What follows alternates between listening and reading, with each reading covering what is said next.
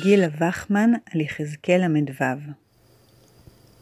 תחושת הבושה המתעוררת בקרבנו חדשות לבקרים לנוכח התנהגותם של ישראלים בחו"ל, זוכרים את uh, טיסת השוקולד או הוונדליזם בקפריסן, אינה דבר חדש.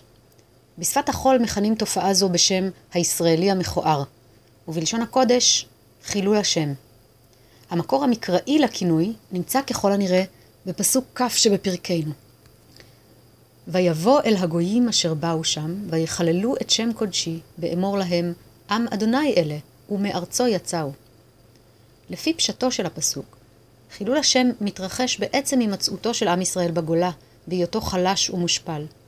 הגויים לועגים לישראל, ובכך לועגים גם לאלוהיו ולארצו. אולם המדרש, כדרכו, מעניק לפסוק משמעות חדשה. וכך אומר התלמוד, מסכת יומא, דף פ"ו עמוד א'.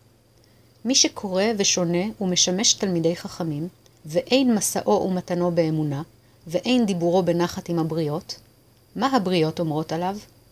אוי לו לפלוני שלמד תורה, אוי לו לאביו שלימדו תורה, אוי לו לרבו שלימדו תורה. פלוני שלמד תורה, ראו כמה מקולקלין מעשיו, וכמה מכוערים דרכיו.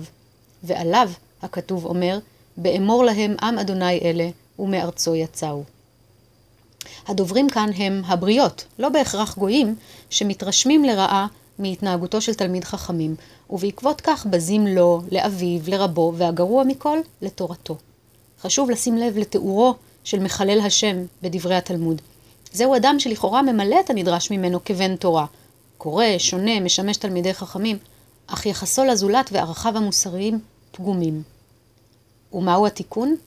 קידוש השם, או בלשון התלמוד שם, שיהא שם שמיים מתאהב על ידך. במילים אחרות, הפתרון לבעיית הישראלי המכוער אינה, כפי שסבורים אחדים, בהוקעתו הפומבית, שיימינג, אלא בהעצמתו של הישראלי היפה.